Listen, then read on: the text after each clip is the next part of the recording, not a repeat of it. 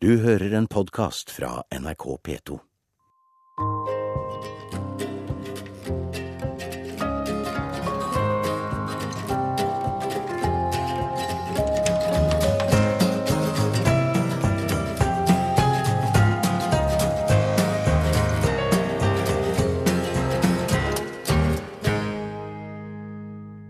Du hører Sommer i P2. Jeg heter David Åleskjær.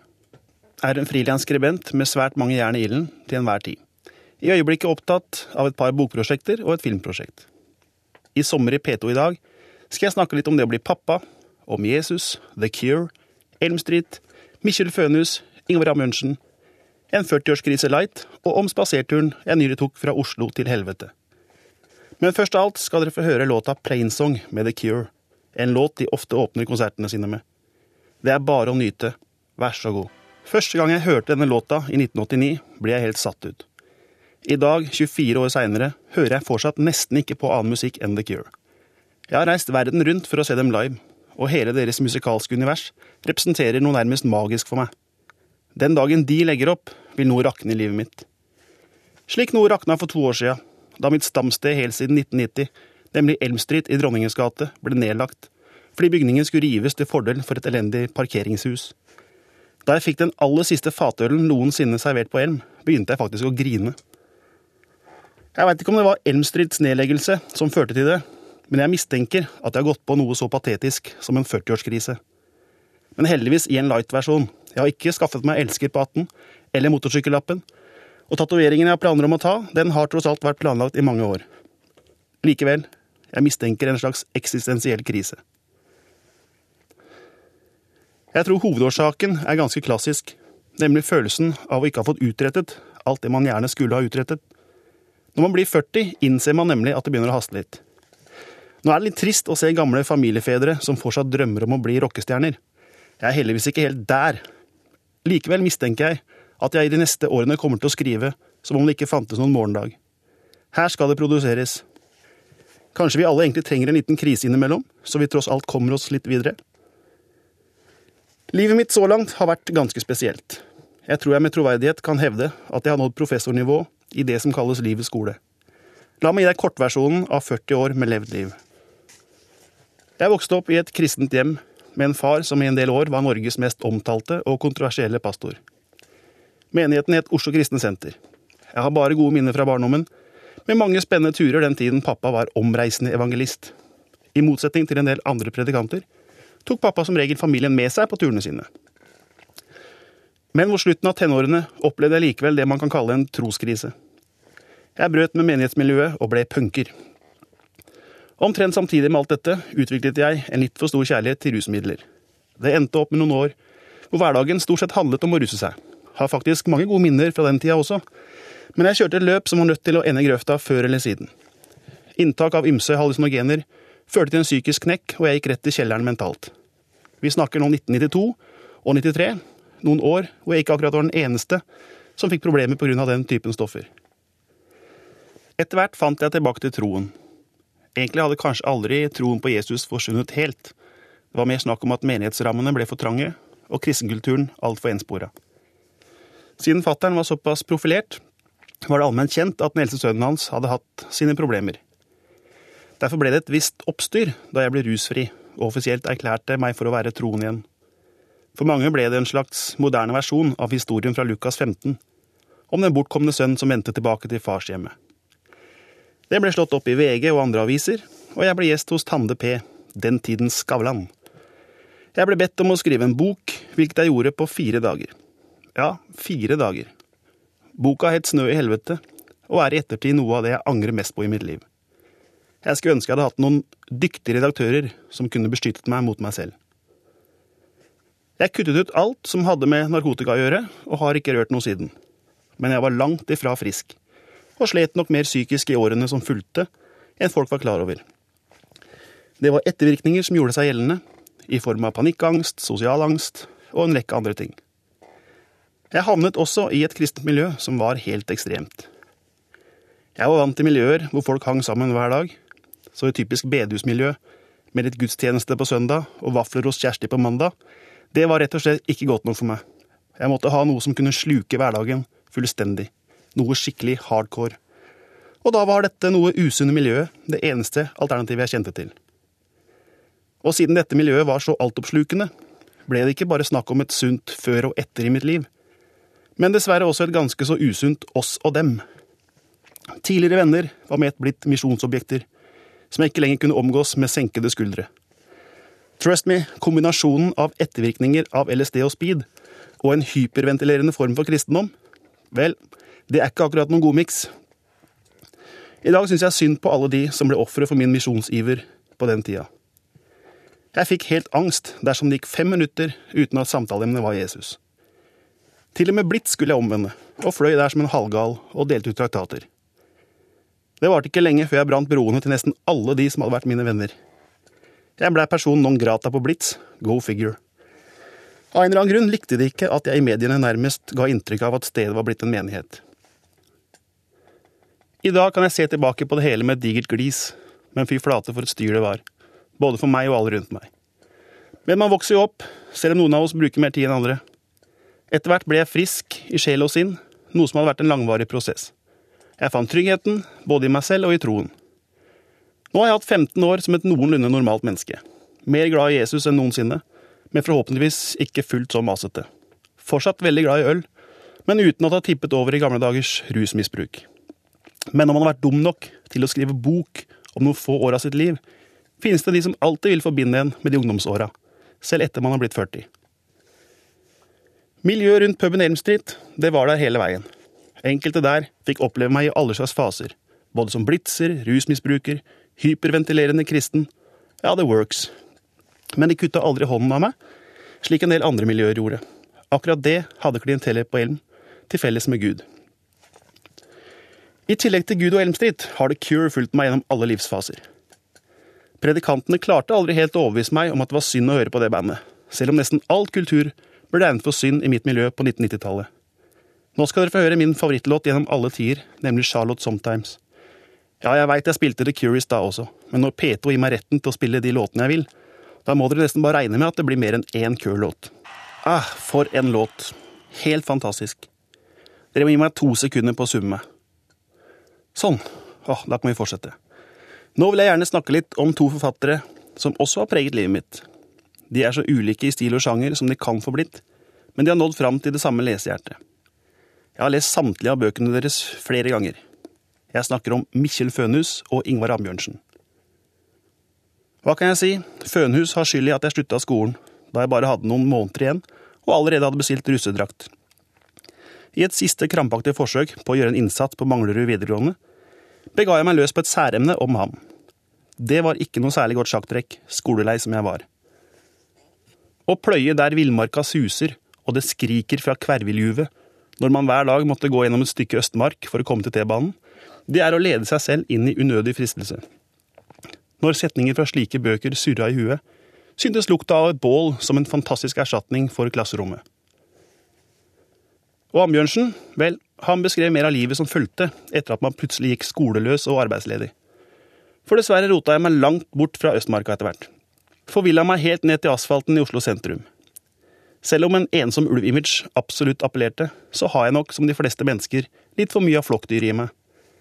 Og det var dessverre slik at de fleste andre i min situasjon ikke akkurat var frisk ungdom med fønhus i sekken og berg-og-daler i blikket. Det er trist det der, at svært mange av de som hører villmarken kalle, til slutt ender opp i hard asfalt istedenfor myk mose. Ugg. Er du en som ruser seg, så er det ikke så mange som ber deg ta deg sammen og få deg en jobb. Du er tilgitt, liksom. Du har et problem, du trenger hjelp, du trenger kjærlighet. Men er du en skogangsmann, da er du en latsabb som må skjerpe seg. Selv om det grunnleggende dreier seg om det samme, nemlig en flukt fra systemet vi lever i. Fønhus og Ambjørnsen. To vidt forskjellige stemninger, men deler av det samme livet. Det plager meg at Fønhus sitt forfatterskap nærmest er i ferd med å bli glemt, i likhet med hele sjangeren villmarkslitteratur, selv om Aschehoug nylig utga Trollelgen i pocketutgave. Min fetter skulle skrive særemne om fyren for noen år sia, og fant da ut at norsklæreren ikke hadde hørt om Mikkjel Fønhus. Sånt gjør meg trist. Jeg skulle ønske Hans Trefothaugen var like mye allemannseie som for eksempel Ambjørnsens Ellingfigur. Og jeg vet ikke om det har med 40-årskrisen å gjøre, eller om kroppen bare er blitt lei etter 15 år med kontorstol og barkrakk, men jeg føler at villmarken kalles sterkt for tida. Noe som medfører at visse fønhusbøker blir lest for n-te gang. Og nylig fikk jeg en lang spasertur som annet gikk gjennom flere av de områdene Fønhus har skrevet om. Bakgrunnen for den spaserturen skal jeg forklare deg nå. Og slapp av, jeg kommer til poenget, selv om forklaringen krever visse avsporinger. Jeg sa i stad at jeg nå har levd 15 år som noenlunde normal. Men det vil ikke si det samme som at det har vært 15 normale år. Nei da, det blir aldri kjedelig å være meg. I år 2000 skulle jeg selvsagt klare å begi meg ut på en tredje omvei i livet. Fikk det nemlig for meg at jeg skulle lage film. Satte i gang med noe jeg kalte Asfaltevangeliet. En lavbudsjettfilm hvor fortellingen om Jesus ble plassert i Oslo i moderne tid. Det endelige resultatet ble et regelrett makkverk, noe jeg tar fullt og helt på min kappe, siden mange talentfulle mennesker deltok i prosjektet. Vi lanserte en uferdig versjon fordi vi ikke hadde noe valg, men klarte ikke forhindre en dundrende konkurs. Og siden jeg var så smart å lage filmen i regi av et enkeltpersonsforetak, innebar det en personlig gjeld på nærmere to millioner. Sånn går nå dagene. En sånn gjeld er kjekk å ha når du jobber som lavtlønnet frilanser. Ja da. Men nå som det har gått noen år, har lysten til å fullføre prosjektet kommet tilbake. For jeg tror det ligger en ålreit film et eller annet sted i alt det materialet vi sitter på. Spesielt dersom vi spiller inn noen nye scener og lager en litt annerledes rammefortelling. Noen kinofilm blir det nok ikke, men sannsynligvis en god kortfilm. Og slapp av, jeg kommer straks til hovedpoenget, som altså er hvorfor jeg nylig la ut på en lang spasertur. Det er som sagt mange år siden jeg var en hyperventilerende kristen som misjonerte i tide og utide, ja, kanskje mest i utide. Men for et års tid siden satt det en fremmed fyr på barkrakken ved siden av meg, som hadde fått med seg at jeg var et troende menneske. Dette provoserte ham av en eller annen grunn noe voldsomt. Han stilte svært aggressive spørsmål. Og selv om jeg syntes han var ganske slitsom og helst bare ville drikke ølen min i fred, så svarte jeg høflig på spørsmålene. Til sist ble han så hissig at han reiste seg fra barkrakken og ropte Du kan dra til helvete med misjoneringa di! Ja vel, selv om den såkalte misjoneringa altså hadde vært høyst ufrivillig, tenkte jeg samme kveld at det kanskje kunne vært lurt å ta ham på ordet. Kanskje jeg burde dra til helvete med misjoneringa mi. Som en straff for tidligere tiders klønete formidling av budskapet. Og helvete, det er som kjent noen gjettegryter i Espedalen. Inspirert av denne hendelsen ga jeg et løfte i et lystig lag noen uker senere. Jeg sa dersom en sponsor setter oss i gang med en ny versjon av Asfaltevangeliet, da skal jeg dra til helvete, og det via store omveier. Litt senere kom en sponsor på plass, og et løfte er et løfte. Dermed skulle det bli en tur til helvete for evangeliets skyld.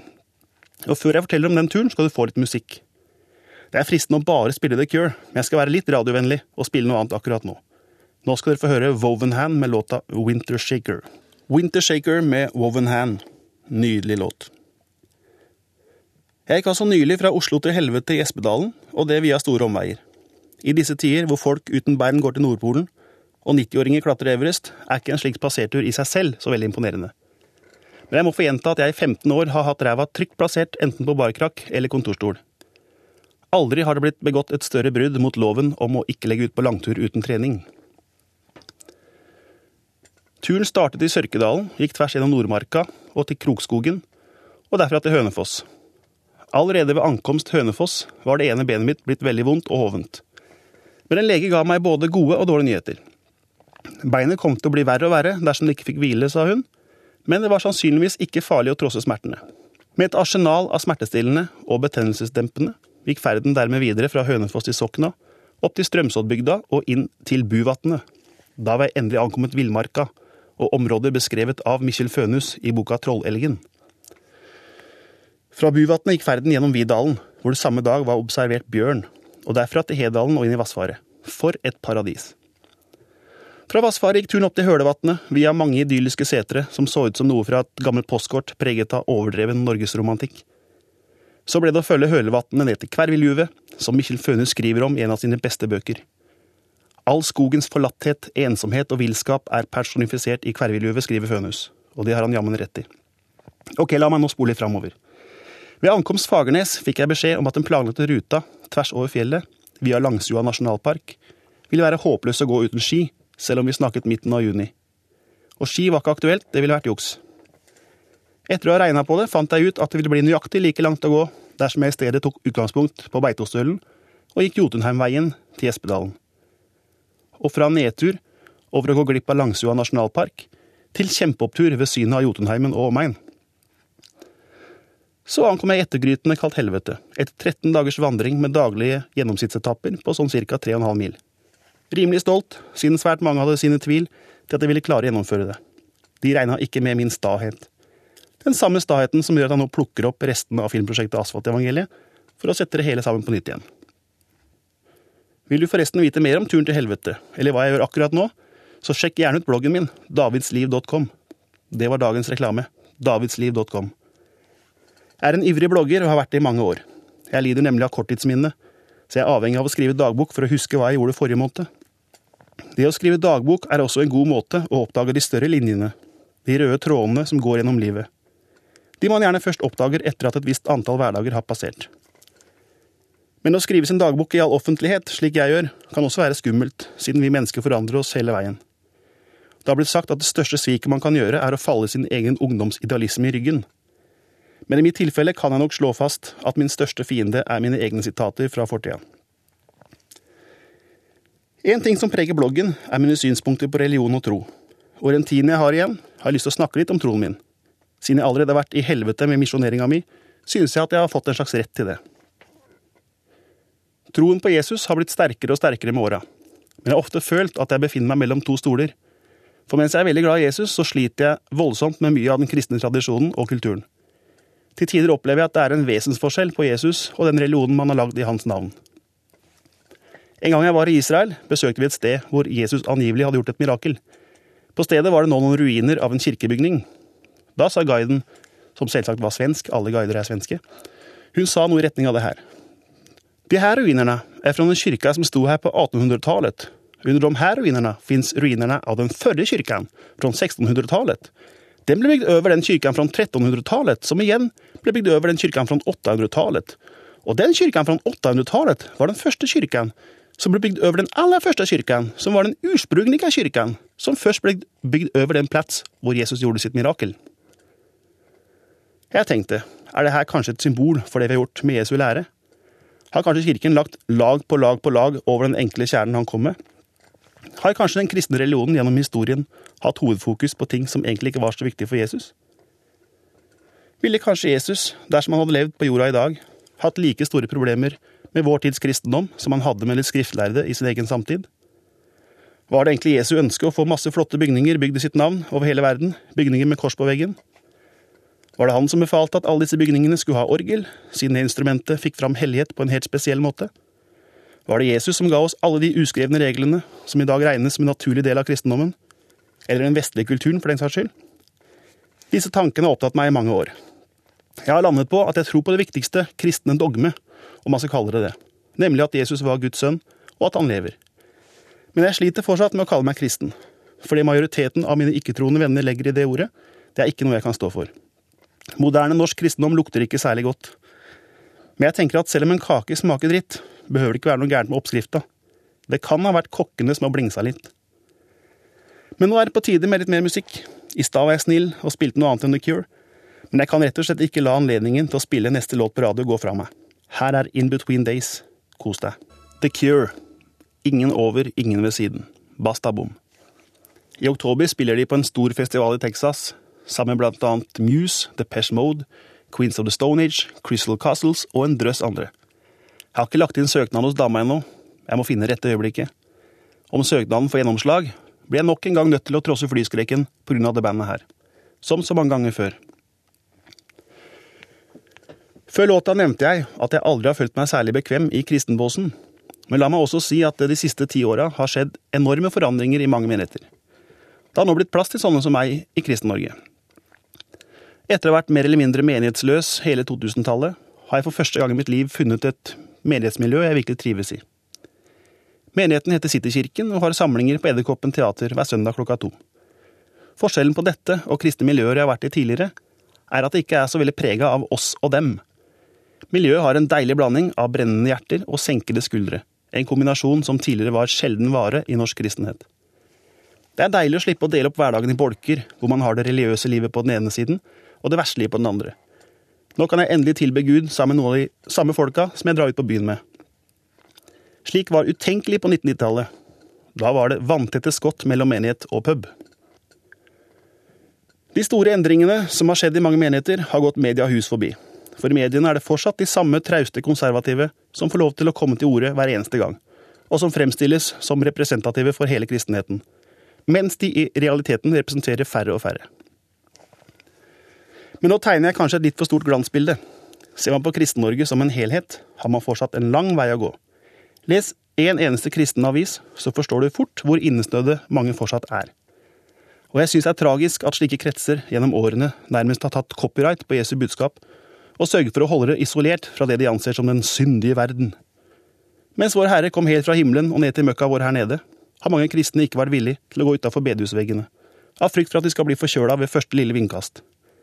Jeg merker at jeg til tider blir forbanna, ikke på enkeltmennesker eller enkeltkretser, men på selve måten den kristne kulturen i det store og hele har utviklet seg her i landet. For selv jeg, som elsker Jesus, sliter altså med å forholde meg til det meste av det som gjøres i hans navn, siden det er så lite representativt for det han sto for. Vi har klart å gjøre verdens skaper til noe som kun angår vestlandsbietister eller nedkjørte alkoholikere. Og for all del, evangeliet gjelder selvsagt dem, men også alle midt imellom, alle helt vanlige folk. Jeg tror vi trenger en regelrett revolusjon i norsk kristenhet. En revolusjon av slike dimensjoner at Luthers reformasjon blir for peanøtter å regne i forhold. Det er nødvendig å sprenge de rammene som i øyeblikket holder Jesu budskap fanga, de som i sin tid kidnappa hele evangeliet. For Jesus selv representerer et opprør mot flere av de rammene som gjerne skapes av menneskers egne forsøk på å blidgjøre en gud som allerede elsker dem. I dag angrer jeg bittert på at jeg ikke sto tydeligere opp for alle de som ble ofre for den kristenkulturen jeg var en del av på 1990-tallet.